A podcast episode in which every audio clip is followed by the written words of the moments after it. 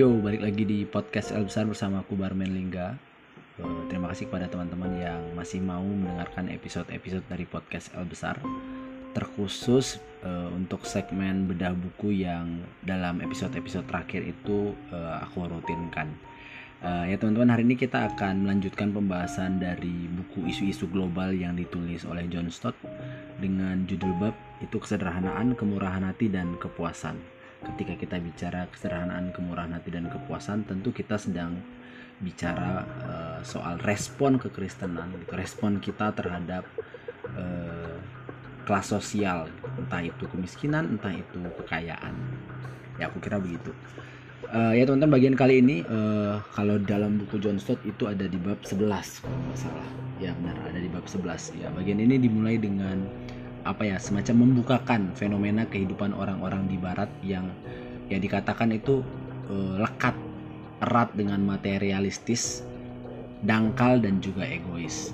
Serta dibukakan mengenai pemikiran yang meyakini bahwa uh, ya kelayakan itu bisa diukur dengan kekayaan. Uh, dan tentu saja itu indikasi masyarakat yang uh, kehilangan arah ya. Karena kan harkat kita sebagai manusia itu sebenarnya tidak bisa diukur dengan kekayaan.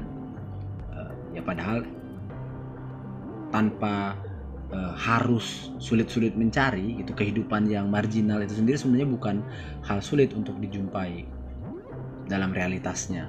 Uh, katakanlah dalam bab 11 ini John Stott bilang uh, soal kondisi di negara miskin katakanlah seperti India dan juga Afrika itu adalah kondisi-kondisi yang sulit uh, mudah untuk ditemukan. Kita tidak perlu sulit-sulit mencari kondisi-kondisi tersebut.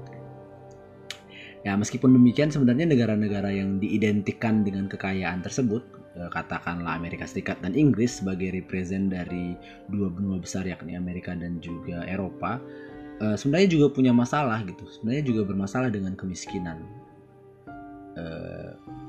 Cuman memang tidak sekontras negara-negara miskin kayak India dan Afrika. Nah, teman-teman yang punya bukunya uh, data-datanya ada di halaman 334. Uh, eh, ternyata Inggris dan Amerika Serikat juga bermasalah ketika bicara soal kemiskinan. Uh, ya berikutnya itu teman-teman adalah Church Action on Poverty. Ya, jadi Church of Action of Poverty itu sebuah gereja di Inggris yang Eh, concern pada persoalan ini, persoalan kemiskinan, dan kemudian mendefinisikan bahwa sebenarnya persoalan kemiskinan adalah persoalan yang begitu kompleks karena terkait dengan kekurangan sumber daya, pengucilan, ketidakberdayaan, dan juga pengkambing hitaman atas permasalahan dalam sosial masyarakat. Jadi itu kenapa eh, menjadi persoalan yang sangat kompleks? Ya karena ada itu. Gitu. Eh, action on poverty itu mendefinisikannya sebagai itu. Dengan definisi yang sangat kompleks seperti itu, uh, yaitu semakin menegaskan bahwa uh, apa ya ya memang semakin banyak orang yang menderita miskin dan tersisih dan tidak mendapat bagian dalam kehidupan bersama uh, di negara dan juga bangsa bangsa-bangsa khususnya bangsa kita kali Indonesia.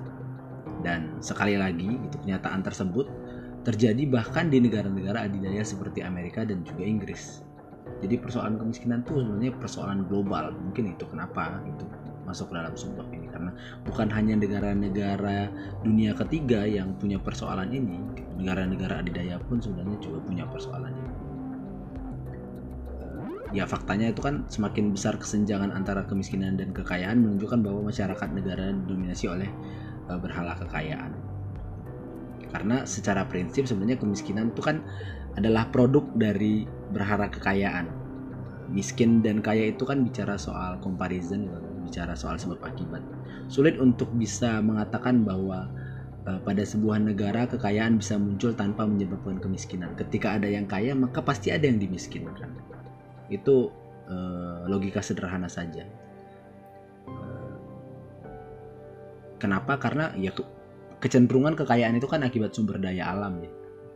Jadi ya itu perebutan sumber daya alam itu. Katakanlah negara kita kayak Indonesia itu soal lahan kelapa sawit misalnya uh, lapangan kelapa sawit itu di membuka hutan seluas-luasnya eh, tentu menghasilkan profit gitu menghasilkan profit dan memperkaya sebagian kecil orang. Tapi ada banyak masyarakat yang akhirnya dimiskinkan karena misalnya lahan pertaniannya digusur lahan adatnya untuk mencari makan digusur gitu. Ya itu itu itu bicara soal comparison karena kayak aku bilang tadi ratusan hektar perkebunan sawit itu menghasilkan kekayaan bagi sebagian orang tapi menghasilkan kemiskinan bagi sebagian yang lain. Bahkan sebagian yang lebih besar. Itu mengapa kayak negara-negara yang tidak bergantung pada sumber daya mungkin bisa lebih kecil gap antara kemiskinan dan kekayaannya gitu. misalnya kayak Singapura gitu. Singapura itu kan benar-benar mengandalkan uh, wisata budaya uh, terus yaitu impor ekspor gitu pelabuhan sebagai tempat persinggahan Singapura menggunakan itu jadi mungkin itu yang membuat negara-negara yang tidak mengandalkan sumber daya itu range dan gap kemiskinannya jadi lebih kecil. Tapi apakah di negara-negara itu katakanlah Singapura tidak ada kemiskinan ya tentu kita bisa diskusikan lebih jauh. Uh, ya aku kira itu sebagai pengantar dalam buku ini. Uh, ya kita masuk ke dalam pendekatan terhadap kemiskinan. Nah sebagai orang Kristen untuk mendekati kenyataan pahit mengenai kemiskinan, John Stott menawarkan tiga hal yang perlu untuk kita perhatikan sebagai sebagai orang Kristen. Yang pertama itu ada uh, kita harus memiliki analisis empiris atas kemiskinan. Nah, melalui analisis empiris sebenarnya kondisi kemiskinan dunia bisa terpampang dengan nyata. Analisis empiris kan kita berarti melihat statistik, melihat data gitu. Faktanya penelitian dan analisis telah menghasilkan data-data konkret mengenai hal ini. Uh, misalnya data-data kemiskinan contohnya yang paling mudah terlihat itu kemiskinan dan penderitaan yang dialami oleh anak-anak. Ya datanya itu ada banyak teman-teman. Siapa yang punya bukunya teman-teman bisa baca dari 330 dan itu data yang sangat uh, membuat kita shock. Di negara negara maju pun terjadi ya kita juga harus menerima kenyataan bahwa persoalan itu uh, tetap selalu ada dan pemerintah sebagai penanggung jawab negara dan juga gereja sebagai representasi kerajaan Allah harus bertanggung jawab sebenarnya atas hal ini. Kemiskinan harus menjadi prioritas uh, kedua lembaga ini, baik negara maupun juga gereja. Yaitu secara analisis secara empiris dan yang kedua itu uh, relasi emosional terhadap kemiskinan. Ya aku suka bagian ini karena John Stott bilang bahwa uh, ya kita sebagai orang Kristen itu sangat perlu membangkitkan emosional kita ketika melihat realitas kemiskinan. Misalnya John Stott menceritakan pengalamannya yang datang ke Kalkuta. Kalkuta itu teman-teman kalau tahu adalah uh, tempat di mana uh, Mother Teresa melayani. Itu salah satu daerah di India yang benar-benar miskin lah, benar-benar benar-benar sengsara kalau kalau melihat uh, kondisinya. Nah, kedatangan John Stott ke Kalkuta itu ya dia melihat bahwa ada orang yang sampai ngais-ngais sampah bersamaan dengan anjing mengait sampah. Itu kenapa Johnson bilang faktanya kemiskinan ekstrim kayak yang tadi dicontohkan dengan apa yang dia lihat di, Kal di, di Kalkuta adalah kondisi yang sangat merendahkan harkat manusia. Karena apa? Ya karena kemiskinan ekstrim itu mampu menurunkan derajat manusia hingga sederajat dengan hewan. Jadi coba bayangkan kemiskinan itu mampu membuat orang yang pada kejadian dibilang seserupa dengan gambar Allah dan kita melihat bahwa hakikat itu hilang dan manusia seolah-olah sederajat dengan hewan sama-sama ngai sampah bukan untuk cari barang-barang bekas benar-benar untuk makan dari yang diceritakan ya dan setelah menyamakan derajat dengan hewan setelah kemiskinan itu mampu menyamakan derajat dengan hewan ya kita sebagai orang Kristen kalau menurut John Stott harus terprovokasi dengan hal itu setelah tadi dia bilang bahwa kita sebagai orang Kristen uh, perlu membangkitkan emosional kita melihat realitas kemiskinan. John Stott juga bilang bahwa kita sebagai orang Kristen perlu harus terprovokasi dengan kemiskinan. Kita perlu ke trigger. Jadi kalau kita ketika melihat kesengsaraan kemiskinan terus kita biasa aja, aku pikir kita perlu memeriksa diri. Uh, kita kehilangan empati, respect. respect bukan karena dia miskin, tapi respect karena dia uh, telah kehilangan harkatnya sebagai manusia itu kenapa kita perlu bukan hanya sekadar membangkitkan emosional kita tapi juga harus terprovokasi untuk melakukan sesuatu ketika melihat kesengsaraan akibat kemiskinan kita harus dengan geram dan marah karena kemiskinan ekstrim itu memenjarakan jiwa kalau bahasanya John Stott memunculkan hubungan yang tidak sehat antara manusia serta menyanyiakan bakat yang dianugerahkan Allah. Allah kan menciptakan kita dengan berbagai macam talenta. Tapi kemiskinan itu akan mematikan bakat-bakat dan talenta itu. that's mengerikan sekali itu yang kedua teman-teman setelah uh, relasi emosional terhadap kemiskinan. Setelah yang pertama tadi kita bicara soal analisis empiris atas kemiskinan maka yang kedua ada relasi emosional terhadap kemiskinan. Maka yang ketiga teman-teman ada respon alkitabiah terhadap kemiskinan. Nah selain menggunakan akal sehat di mana tadi kita bicara soal empiris uh, dan juga kita bisa bicara soal emosi nah hal ketiga tentu kita harus mendekati isu kemiskinan dengan cara yang alkitabiah. Pertanyaannya adalah apa yang dikatakan Alkitab mengenai persoalan ini gitu. Kita harus benar-benar tahu Alkitab bicara apa mengenai isu kemiskinan. Ya dalam hal ini Alkitab tidak boleh dimanipulasi tentunya. Ya aku pikir teman-teman pada masa lampau uh, tentu Alkitab juga dimanipulasi oleh oknum-oknum oleh sebagian orang untuk melahirkan kesengsaraan atau mungkin katakanlah perbudakan itu sendiri gitu. Perbudakan itu sendiri bisa aja dilahirkan dari Alkitab yang dimanipulasi karena Alkitab itu banyak bicara soal tuan hamba, tuan hamba bisa jadi. Kalau teman-teman ada yang pernah nonton film uh, eh, 12 tahun jadi budak gitu 12 years slave gitu jadi dia ada satu scene di mana ya budak-budak itu dikumpulkan terus dibacakan ayat-ayat yang seolah-olah hamba harus patuh pada tuannya jadi budak-budak itu seolah-olah memang hakikatnya sudah menjadi budak. Padahal itu sebenarnya bicara soal manusia yang harus melayani Allah dan itu dimanipulasi untuk uh, melegalkan perbudakan dan uh, ya membantu membantu kepentingan-kepentingan tertentu. Ya itu teman-teman.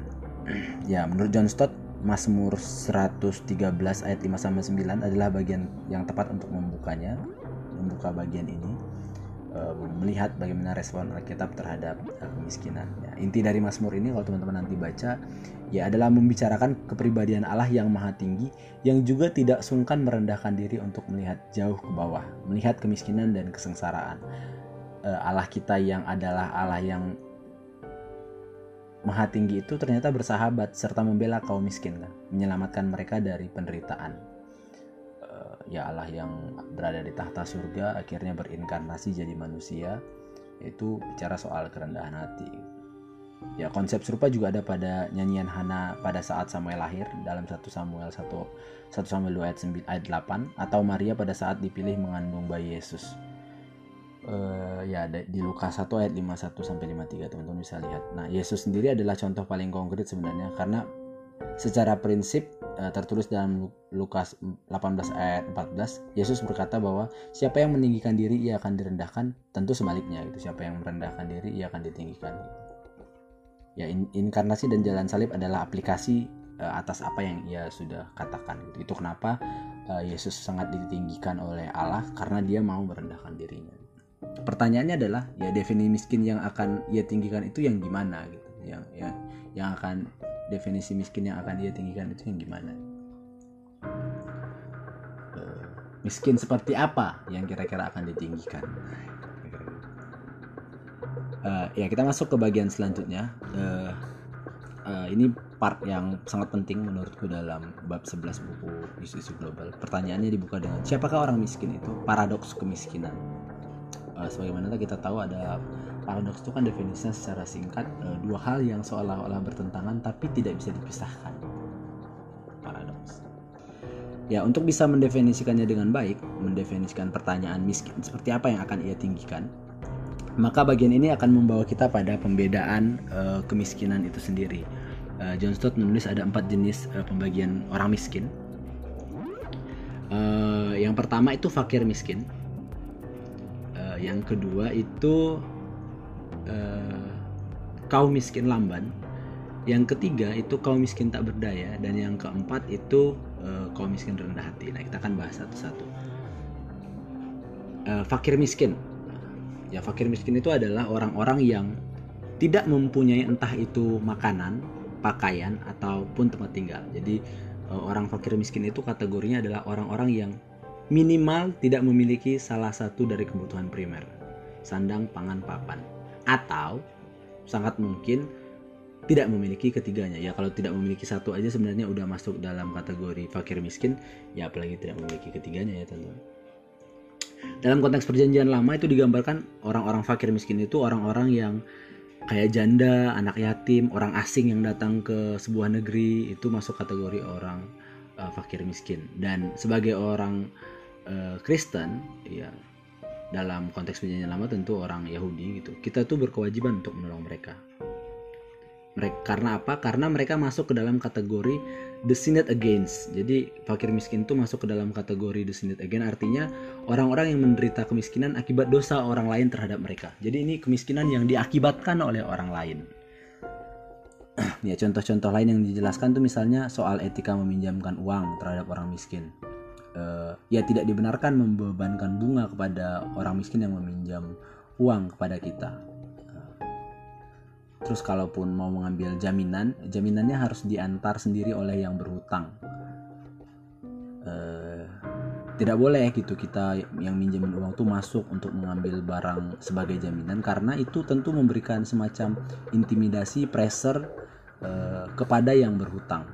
Mengapa kita tidak boleh melakukannya? Ya aku pikir adalah karena mereka itu meminjam uang bukan untuk menjadi kaya, tapi untuk bisa bertahan hidup. Itu itu kenapa ketika orang miskin meminjam uang tidak dibenarkan untuk memberikan bunga karena mereka meminjam uang bukan untuk menjadi kaya, tetapi untuk bisa bertahan hidup. Pertanyaannya apakah boleh membungakan uang? Ya tentu itu kita bisa perdebatkan lebih jauh kalau minjem 100 juta ya mungkin ya karena itu kan pasti dia untuk upaya mensejahterakan kehidupan ya buka usaha dan lain sebagainya meskipun aku juga tidak yakin gitu dasar Alkitabnya apa apakah e, meminjamkan uang dengan nominal besar itu bisa dibungakan atau enggak. Tapi ketika kita bicara meminjamkan uang kepada orang miskin Alkitab dengan jelas berkata tidak untuk pembungaan. Karena apa? Karena orang miskin meminjam uang itu bukan untuk menjadi kaya tetapi untuk bisa bertahan hidup. Itu satu contoh. E, contoh lain juga misalnya soal e, majikan. Nah, majikan tuh harus harus membayar upah pekerja sesegera mungkin tepat waktu. Karena apa ya? Kadang-kadang kan bos tuh ya menunda-nunda sehari dua hari itu it's okay lah gitu. Gajian tanggal 25 tapi dia kasihnya 27 2, 26 27 dengan dalih ya lagi sibuk nggak sempat ngirim nggak sempat KTM gitu. Mungkin itu tidak menjadi masalah besar bagi bos uh, tetapi itu bisa jadi masalah besar bagi para pekerja gitu. Bisa jadi dalam waktu dua hari setelah waktu tanggal gajian itu beras udah memang nggak ada lagi gitu. Susu anak juga udah nggak ada lagi listrik udah nggak lagi dan dan sebagainya kan. Nah, contoh lain yang diberikan misalnya etika memanen kalau dalam budaya Yahudi. Kalau kita memanen kita nggak boleh memanen secara full karena apa? Ada hak orang miskin di dalamnya. Kita harus menyisahkan kalau ada yang jatuh di tanah kita tidak boleh mengambil. Itu itu adalah jatah uh, fakir miskin siapa itu? Yaitu tadi janda anak-anak terlantar dan juga orang asing. Intinya secara singkat Alkitab mau bilang bahwa sebagian hak orang miskin ada di dalam se sebagian harta kita gitu. Teman-teman. Uh, ya ketiga contoh itu tentu didemonstrasikan dengan sempurna oleh Yesus. Kenapa? Karena ia memberi makan yang lapar gitu menyembuhkan yang sakit serta berjanji kalau kita memberikan pakaian kepada orang yang telanjang dan mengunjungi yang sakit itu sama dengan kita melayani Kristus itu sendiri. Kira-kira gitu. Pesan, pesan yang disampaikan Yesus. Kemudian yang kedua kita bicara soal kaum miskin lamban. Uh, ya teman-teman bisa jadi ini adalah orang-orang yang melarat akibat perilaku mereka sendiri. Eh, entah itu karena kemalasan, pemborosan atau kerasukan. Kerakusan nih kok kerasukan ya aku kira kenapa John Stott bilang bisa jadi karena ya kita tentu perlu kritis dan berhati-hati melihat orang miskin seperti ini. Ya kita harus hati-hati supaya tidak dengan lekas mengatakan bahwa kebanyakan orang miskin di dunia adalah orang miskin lamban gitu. Kita juga tidak boleh cepat-cepat untuk menuduh oh kau miskin karena kau malas kau miskin karena kau boros.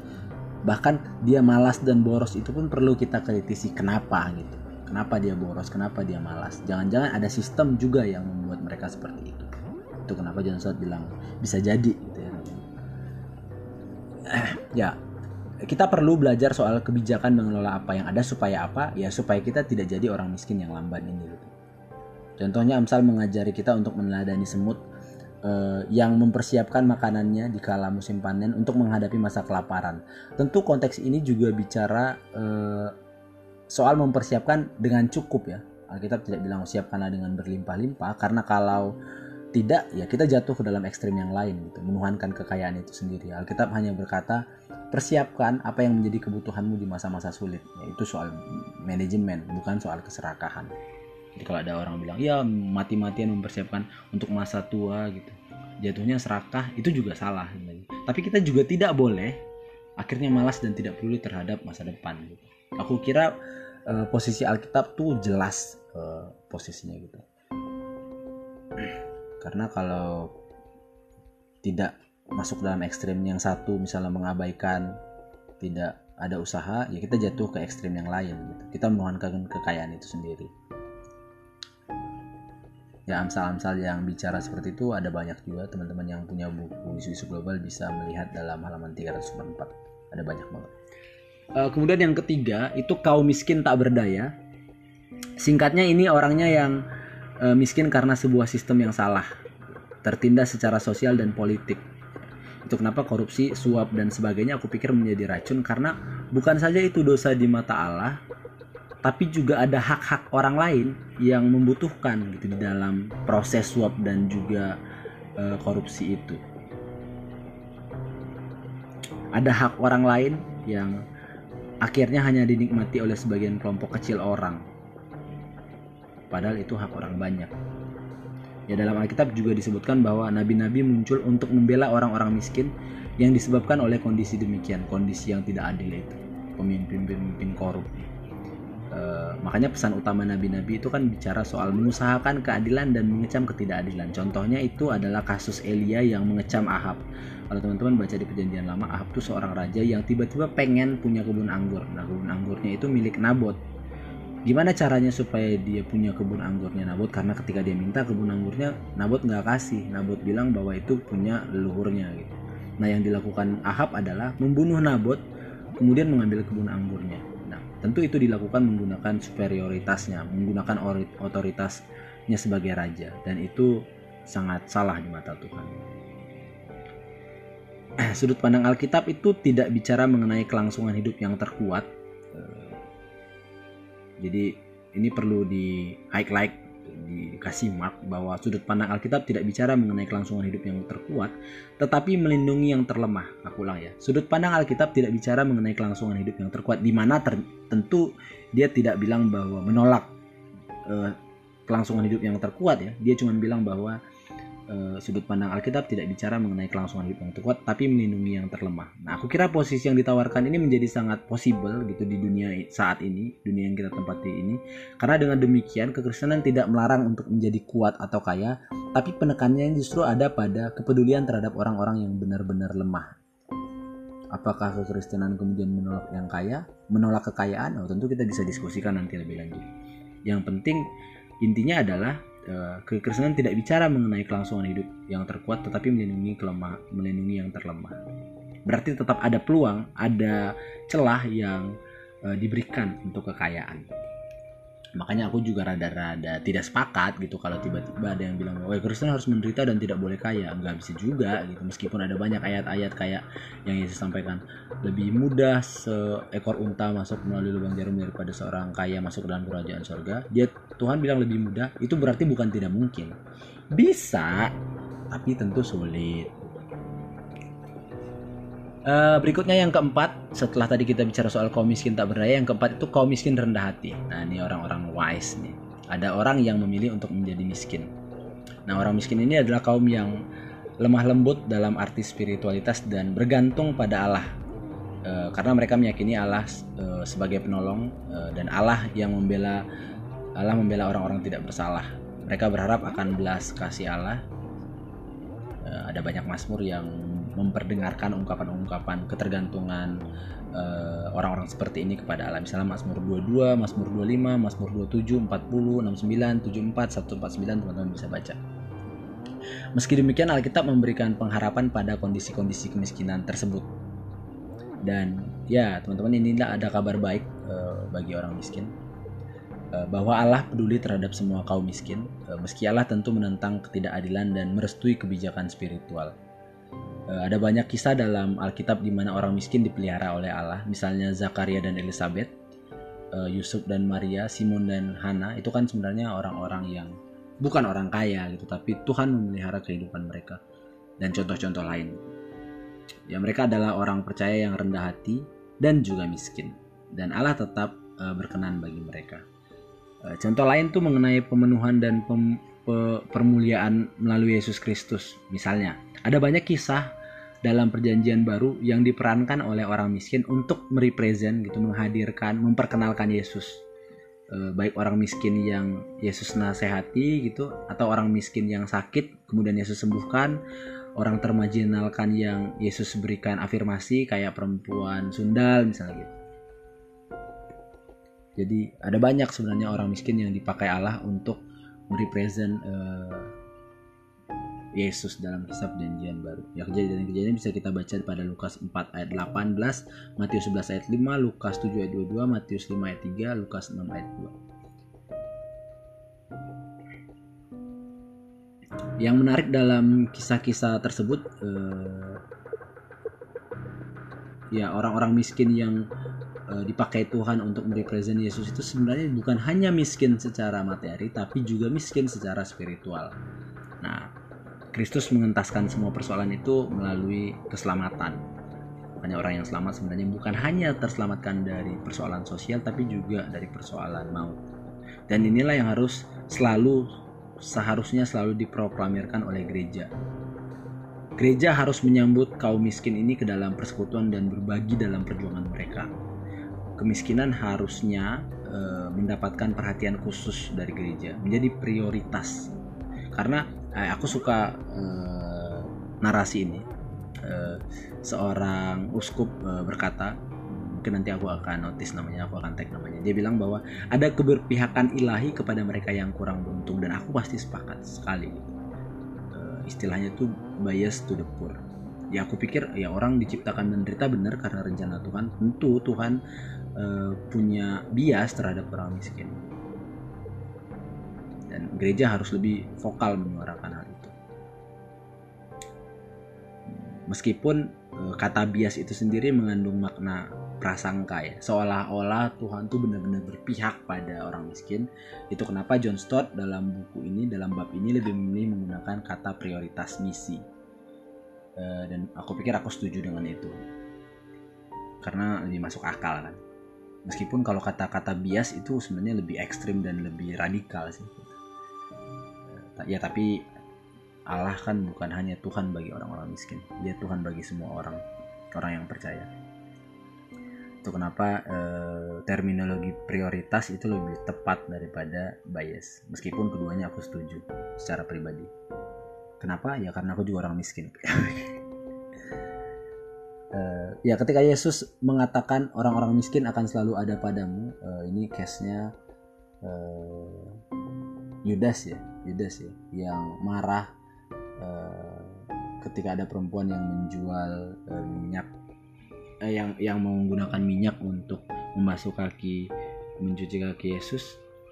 Eh, rambut kah gitu? Terus Yudas marah kenapa nggak dijual aja terus dikasih orang miskin? Terus dalam Markus 14 ayat 7 Yesus bilang orang miskin akan selalu ada. Nah ketika Yesus bilang orang-orang miskin selalu ada sebenarnya itu bukan bermaksud untuk berpuas diri bukan untuk kayak ya adalah life must go on orang-orang miskin akan selalu ada gitu.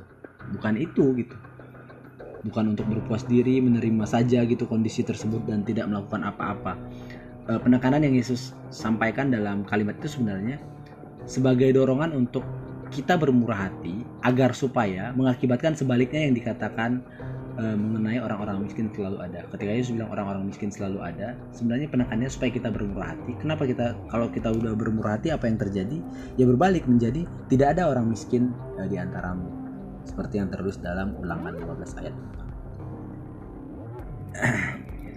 Ini pun sebenarnya e, tidak terbatas pada kaum miskin warga gereja karena kan dalam Galatia 6 ditulis ya kita jangan berhenti melakukan kebaikan terutama kepada orang uh, seiman. Uh, tentu ketika bicara ini kita bicara soal semua orang. Uh, meskipun ya tentu kita harus memprioritaskan uh, saudara-saudara kita seiman sebagai bentuk tanggung jawab kita.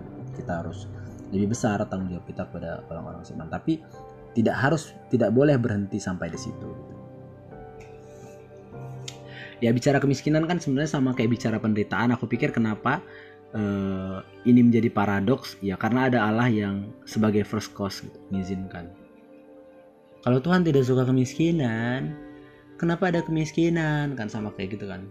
kalau Tuhan ada kenapa ada penderitaan yaitu kenapa kemiskinan dikatakan paradoks ya pada bagian terakhir mengenai kabar baik bagi orang miskin ya mm, menarik melihat sebuah tesis dari Robert Holman gitu eh, penjelasan mengenai pemiskinan masyarakat eh, Holman menjelaskan eh, bahwa Holman menolak tiga alasan yang kerap menjadi kambing hitam atas eksisnya kemiskinan. Yang pertama alasan individual, yang kedua alasan kultural dan yang ketiga agen yang tidak efisien. Nah, menurut Holman adanya Holman itu adanya kemiskinan adalah untuk mendukung mempertahankan pemisahan masyarakat. Jadi, selagi kemiskinan ada, artinya kita sedang mendukung mempertahankan pemisahan masyarakat. Kita percaya bahwa kita sepakat bahwa kelas sosial harus selalu ada. Artinya ketika kita membenarkan eksistensi kemiskinan, secara tidak langsung juga kita membenarkan uh, eksistensi kemakmuran.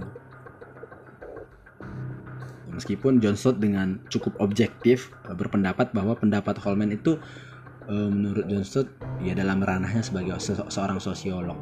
Itu kenapa pendapatnya tidak bisa dihantam gitu dibenturkan. Uh, Holman bisa terhindar dari perdebatan ekonomis soal ya kalau misalnya kita bicara soal ekonomis kan berarti kita bicara soal persaingan kapitalisme dan sosialisme gitu kalau sudah masuk ke ranah ekonomis ya kapitalisme itu dituduh sebagai penyebab kemiskinan dan sosialisme juga bisa dituduh sebagai penyebab kemiskinan kenapa sosialisme bisa dituduh sebagai penyebab kemiskinan karena ya ada kecenderungan misalnya membuat orang miskin itu selalu bergantung serta eh, menghalangi usaha kreatif untuk memajukan kehidupan. Jadi ya orang-orang sosialis menuduh kapitalis sebagai penyebab kemiskinan dan orang-orang kapitalis tentu menuduh orang-orang sosialis sebagai penyebab kemiskinan. Ya, Holman terhindar dari uh, perdebatan itu. Dan sekarang pertanyaan bagaimana posisi Kristen gitu ya. Posisi Kristen harus selalu berpusat pada kebenaran Alkitab dan kita harus menolak nilai-nilai yang tidak sesuai dengan iman Eh, menurut Alkitab. Ya, tentu kita memaksa kita untuk belajar lebih banyak untuk mengetahui uh, bagaimana posisi Alkitab ketika melihat soal kemiskinan. Uh, aku kira begitu, teman-teman. Uh, sekarang uh, pertanyaannya adalah ya kabar terus orang kaya gimana gitu ya orang kaya gimana apakah kekristenan berarti bicara soal agama yang benar-benar menderita? Ya, ada tiga pilihan bagi orang kaya. Uh, yang pertama, haruskah kita menjadi miskin? Uh, ketika Paulus berkata dalam 2 Korintus 8 ayat 9 bunyinya karena kamu telah mengenal anugerah Tuhan kita Yesus Kristus bahwa sekalipun ia kaya oleh karena kamu ia menjadi miskin supaya kamu menjadi kaya oleh karena kemiskinannya. Nah dalam kalimat tersebut apakah sebenarnya Paulus bermaksud agar kita berbuat sama seperti itu? Apakah? Ya sekilas tampaknya demikian dan ya banyak argumen telah dikemukakan tentang hal itu. Pengajaran dan bagaimana gereja uh, Yesus perdana maka kita perlu melihat beberapa contoh ini. Pertama, kita harus mencontoh Yesus. Eh, teman-teman, singkatnya John Stott mau bilang gini, Yesus sendiri sebenarnya bukan orang yang miskin-miskin banget karena apa? Yesus tuh lahir dari keluarga yang uh, punya knowledge gitu, tercerahkan. Bukan fakir miskin karena fakir miskin katanya tidak punya rumah, pangan dan gereja. Nah, sedang, eh, tidak rumah pangan, sandang dan papan. Sedangkan Yesus itu lahir dari keluarga tukang kayu dan juga tukang batu di mana berarti Yesus sendiri adalah orang kelas menengah sebenarnya. Karena ya Yesus bukan orang yang miskin-miskin banget. Ya posisinya jadi begitu ya teman eh, kekristenan tidak langsung dengan telak gitu menolak kekayaan. Meskipun pada praktiknya ya mungkin hal ini yang dijadikan oleh beberapa gereja-gereja eh, denominasi hmm, ya teologi kemakmuran dan sebagainya Aku pikir kita perlu melihat dengan jelas posisi Alkitab ini. Terus yang kedua soal pengajaran Yesus. ya, bagi mereka yang ingin menjadi pengikutnya, Yesus kan berkata, e, tiap-tiap orang di antara kamu yang tidak melepaskan dirinya dari segala miliknya tidak dapat e, menjadi muridku. Nah, apakah sebenarnya eh, Yesus selalu mengharapkan agar semua pengikutnya melepaskan segalanya untuk dapat mengikutinya. Benar bahwa para rasul eh, melakukan apa yang Yesus katakan. Eh, ada juga pemuda yang pemuda kaya gitu yang ditantang untuk melakukannya. Tetapi sebenarnya pertanyaannya apakah sebenarnya ini peraturan untuk umum? Apakah peraturan untuk umum? Uh, ya, dia tidak mengatakan kepada semua pengikutnya saya ingin teman-teman uh, untuk menyingkirkan semua milik mereka. Misalnya ada Yusuf dari Arimatea, yaitu kan orang kaya gitu, digambarkan sebagai orang kaya maupun sebagai murid Yesus. Uh, jadi kedua hal itu ternyata bukan tidak dapat berdampingan satu sama lain, cuma sulit. Jadi murid Yesus sekaligus jadi orang kaya bisa nggak? Bisa, tapi itu lagi-lagi sulit. Ada lagi Zakheus si pemungut cukai, gitu. ya dia kaya gitu. Terus mungkin contoh yang tidak jurus John Stott, Nicodemus, ya dia kaya. Gitu. Gitu. Yang dituntut dari kita yaitu menempatkan Yesus Kristus sebagai yang pertama bahkan di atas keluarga dan harta kita. Bukan kita kemudian membuang semuanya dan mengikut Yesus tapi kita menempatkan Yesus itu sebagai yang paling utama. Meskipun lagi-lagi aku harus bilang itu sulit. Jadi murid dan juga miskin sulit nggak? Aku pikir sulit. Menjadi murid dan juga orang kaya aku pikir sulit nggak? Sama sulitnya sama sulitnya. Keduanya sulit keduanya rentan untuk jatuh ke salah satu ekstrim. Dan ketika dikatakan bahwa uh, yang dituntut dari kita itu menempatkan Yesus Kristus sebagai yang pertama bahkan di atas keluarga dan harta kita tentu atau kita ngomongnya itu gampang tapi dalam praktiknya uh sangat sulit ya, teman-teman. Setelah kita belajar dari contoh Yesus terus pengajaran Yesus kemudian komunitas gereja Kristen mula-mula uh, sebagaimana ditulis dalam kisah Rasul 2 ayat 44 dan seterusnya kisah Rasul 4 ayat 32 dan seterusnya uh, Lukas menyajikan gitu menunjukkan kehidupan bersama uh, jemaat mula-mula di depan kita dalam Alkitab sebagai contoh untuk ditiru oleh semua gereja. Ya dalam arti bahwa orang-orang percaya perdana itu kan dipenuhi Roh Kudus dan saling mengasihi serta saling memedulikan, memperdulikan, meniadakan kemiskinan dalam persekutuan mereka. Ya, tapi apakah Lukas juga menyarankan uh, pemilikan bersama atas barang-barang? Ya, tentu kita bisa perdebatkan gitu. Ketika dia bilang juallah barang-barangmu untuk membagi orang lain gitu Berapa orang percaya masih memiliki rumah kan faktanya. Dari mana kita tahu? Ya mereka bersekutu di rumah-rumah. Jadi sebenarnya kalimat jualah yang kau miliki untuk untuk uh, sesamamu itu bukan berarti semuanya, bukan berarti semuanya. Bukan berarti bahwa mereka secara egois menahan uh, beberapa di antara mereka, tapi misalnya kayak kasusnya Anania Sapira. Sebenarnya kenapa Anania Sapira itu uh, dihukum bukan karena mereka tidak menjual semuanya tapi karena mereka berbohong menipu pura-pura sudah memberikan semuanya itu kenapa uh, Rasul-rasul berkata, ya selama tanah ini tidak dijual, bukankah itu tetap kepunyaanmu? Dan setelah dijual, bukankah itu hasilnya juga punyamu? Gitu. Kau jujur aja berapa yang kau jual, berapa yang kau kasih, harusnya. Jadi hak milik bagi orang Kristen ditegaskan bersama-sama dengan sifat sukarela uh, dari memberikan ke Kristen, memberikan uh, dari pemberian Kristen. Jadi tidak ada sebenarnya larangan untuk kaya. Kristen tidak boleh kaya ada ya pandangan-pandangan. Salah satu pandangan ekstrim berkata orang Kristen itu tidak boleh kaya. Ekstrim yang lain bilang orang Kristen tentu tidak boleh miskin. Karena apa ya kita punya raja.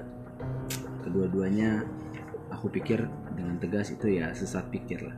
Kita tuh harus punya hikmat kalau menurut kekristenan dan ajaran pertanyaannya haruskah kita tetap kaya kalau ngelihat lagi ke awal di kejadian ya bumi ini dikembangkan untuk kebaikan bersama kan kuasailah bumi gitu. Tapi apakah penguasaan itu untuk pribadi atau golongan tertentu saja? Tentu tidak gitu. Karena ketika e, kita bilang untuk menguasai itu maksudnya ya kita mengembangkan e, untuk kebaikan bersama dan kekayaan bumi digunakan secara bersama-sama demi seluruh umat manusia. Ya ekonomi perjanjian lama menjanjikan kekayaan juga e, memerintahkan perawatan bagi yang miskin gitu. Dan orang kaya dalam e, perumpamaan Yesus e, yang akhirnya masuk neraka gitu. Itu kan sebenarnya dia kaya. Dia masuk neraka dalam orang kaya yang masuk e, neraka dalam perumpamaan Yesus itu dia masuk neraka bukan karena dia kaya tapi karena apa karena dia tidak peduli terhadap Lazarus yang miskin yang sampai boroknya udah dijilat-jilat anjing dan dia tidak peduli itu yang membuat dia dihukum itu teman-teman hmm, ya kita misalnya dalam contoh lain dalam 1 Timotius 6 ayat 17 18 Eh, Paulus berkata, eh, "Peringatkanlah orang-orang kaya di dunia ini agar mereka jangan tinggi hati dan jangan berharap pada sesuatu yang tak tentu seperti kekayaan, melainkan pada Allah yang dalam kekayaannya memberikan kepada kita segala sesuatu untuk dinikmati. Peringatkanlah agar mereka itu berbuat baik, menjadi kaya dalam berbuatan baik, suka memberi dan membagi dan dengan demikian mengumpulkan suatu harta sebagai dasar yang baik bagi dirinya di waktu yang akan datang untuk mencapai hidup yang sebenarnya. 1 Timotius 6 ayat 17 19. Nah, kita segera tahu bahwa Paulus tidak mengatakan agar orang-orang kaya dunia ini supaya berubah menjadi miskin, namun penekanannya adalah eh, dia juga tidak menekankan untuk tetap kaya. Posisinya apa? Ya, posisinya adalah kepedulian terhadap orang miskin. Kepedulian terhadap yang membutuhkan tidak ada ekstrim yang bilang kau harus miskin tidak ada ekstrim yang bilang kau harus kaya gitu, dan Kristen tapi ada ekstrim yang bilang ya kau harus peduli. Ya itu itu itu kredo yang harus kita pegang sebagai orang Kristen. Kenapa? Uh, ya kekayaan sendiri tentu punya persoalan. Kalau tadi miskin tuh punya persoalan kekayaan punya persoalan. Kenapa? Karena pertama bahaya bahayanya adalah kekayaan itu bisa melahirkan kesombongan. Peringatkanlah orang-orang kaya agar mereka jangan tinggi hati kata Alkitab. Kekayaan membuat orang merasa diri penting sehingga menghina orang lain. Terus yang kedua eh, setelah tadi kekayaan itu membuat orang punya kesombongan yang kedua adalah kekayaan itu membuat orang menjadi materialisme Peringatkanlah orang-orang kaya, jangan berharap pada sesuatu yang tak tentu seperti kekayaan, melainkan pada Allah. Antara kekayaan dan materialisme, eh, antara memiliki kekayaan dan mengandalkannya, itu jaraknya hanya selangkah, gitu, tipis. Dan banyak orang telah mengambil eh, langkah tersebut. Jadi ada dua bahaya utama yang dihadapi orang kaya, teman-teman yakni tinggi hati atau sombong, memandang rendah orang yang miskin, dan yang kedua materialisme, menikmati pemberian tetapi melupakan sang pemberi. Intinya, ya hal itu bisa membuat orang untuk melupakan Allah dalam relasi vertikal serta menghina sesama dalam relasi horizontal. Balik lagi eh, ke pesan ultimate yang disampaikan Yesus soal kasihlah Tuhan Allahmu dan kasihlah sesamamu. Maka inilah kredo yang harus kita pegang sebagai orang miskin eh, soal bagaimana sebagai orang miskin, sebagai orang Kristen, uh, bagaimana merespon kemiskinan dan kekayaan, ya kita harus memiliki kesederhanaan, kemurahan hati dan juga kepuasan. Ya, yaitu untuk menjadi pemurah hati dan merasa puas. Nah, masalahnya ini yang sulit. Gitu. Kapan kita tahu bahwa kita puas? Kapan kita sadar bahwa kita harusnya sudah berhenti? Gitu. Kita tidak uh, ya hal ini tidak menyatakan bahwa pendekatan ini sendiri gitu akan menyelesaikan masalah uh, kemiskinan dunia, tapi setidaknya melalui hal ini itu merupakan sesuatu ekspresi kesetiaan kesetia kawanan kita terhadap orang-orang miskin. Berbuat baik menjadi kaya dalam kebajikan ya suka memberi dan membagi. Uh, selanjutnya di samping kemurahan hati perlu dikembangkan pula kepuasan ini yang aku bilang tadi. Sebab akan menjadi anomali jika uh, memberi kepada orang lain dengan murah hati mengakibatkan kita tidak puas dengan apa yang tersisa pada kita. Benar bahwa kita harus puas dulu dalam diri baru bisa mengasihi orang lain. Pertanyaannya, sampai titik mana kepuasan kita? Atau jangan-jangan sampai kita benar-benar kenyang baru kita bisa ngasih orang lain. Aku pikir kebijakan dan hikmat itu perlu dimiliki untuk tahu seberapa seberapa yang menjadi kepuasan kita. Sebenarnya kayak ya aku punya pengalaman uh, pernah cerita-cerita gitu sama satu orang tukang gitu. Jadi dia bilang bahwa sebenarnya perut manusia itu cuman isinya tuh 15 ribu maksimalnya. Iya sih nasi padang 15 ribu kita kenyang. Tapi masalahnya kenapa ya kita mau makan makan yang lain? Tuh jajan lah apalah karena apa? Kita tidak tahu batas kepuasan kita. Ketika kita tidak tahu batas kepuasan kita ya kita jadi fokus pada diri kita sendiri. Terus memuaskan diri kita sendiri dan akhirnya mengabaikan orang lain. Ya teman-teman aku kira gitu. Meskipun kita punya e, dikatakan kerendahan hati ada contoh lain. E, ada orang-orang kaya yang kesannya itu tidak tidak arogan tapi sebenarnya dia sedang sedang terlibat dalam pembandingan. Jadi ada satu kompleks gitu aku pernah kenal orang. Ada satu kompleks. Jadi kompleksnya itu kompleks perumahan elit lah gitu. jadi ada orang satu perumahan yang marahin satpam. Nah, perihal buka gerbang dan lain. Jadi orang kaya itu marahin. Apakah orang kaya itu salah karena gebentak-bentak satpam? Tentu salah. Tentu salah tapi yang menarik adalah ada orang kaya lain di mana orang kaya lainnya adalah orang Kristen yang bilang dia kenapa ya marah-marahin orang marah-marahin satpam? Harusnya posisinya begitu dan cukup gitu. Dia membela orang uh, miskin gitu membela satpam tersebut. Tapi yang menarik dia justru tambahkan emang sekaya apa dia sampai dia berani melakukan itu? Sebenarnya dalam kalimat itu kan juga tergan, terkandung makna bahwa dia sedang membandingkan seolah-olah kalau kaya banget boleh kau tuh kaya mau nanggung makanya kau nggak boleh. Kalau kau kaya banget baru boleh seolah-olah. Artinya kadang-kadang orang-orang kaya juga berpikir bahwa mereka rendah hati ternyata enggak. Ketika kita punya tendensi untuk membandingkan kondisi kita dengan orang lain berpikir kita sedang memandang rendah orang lain bagaimanapun bentuknya.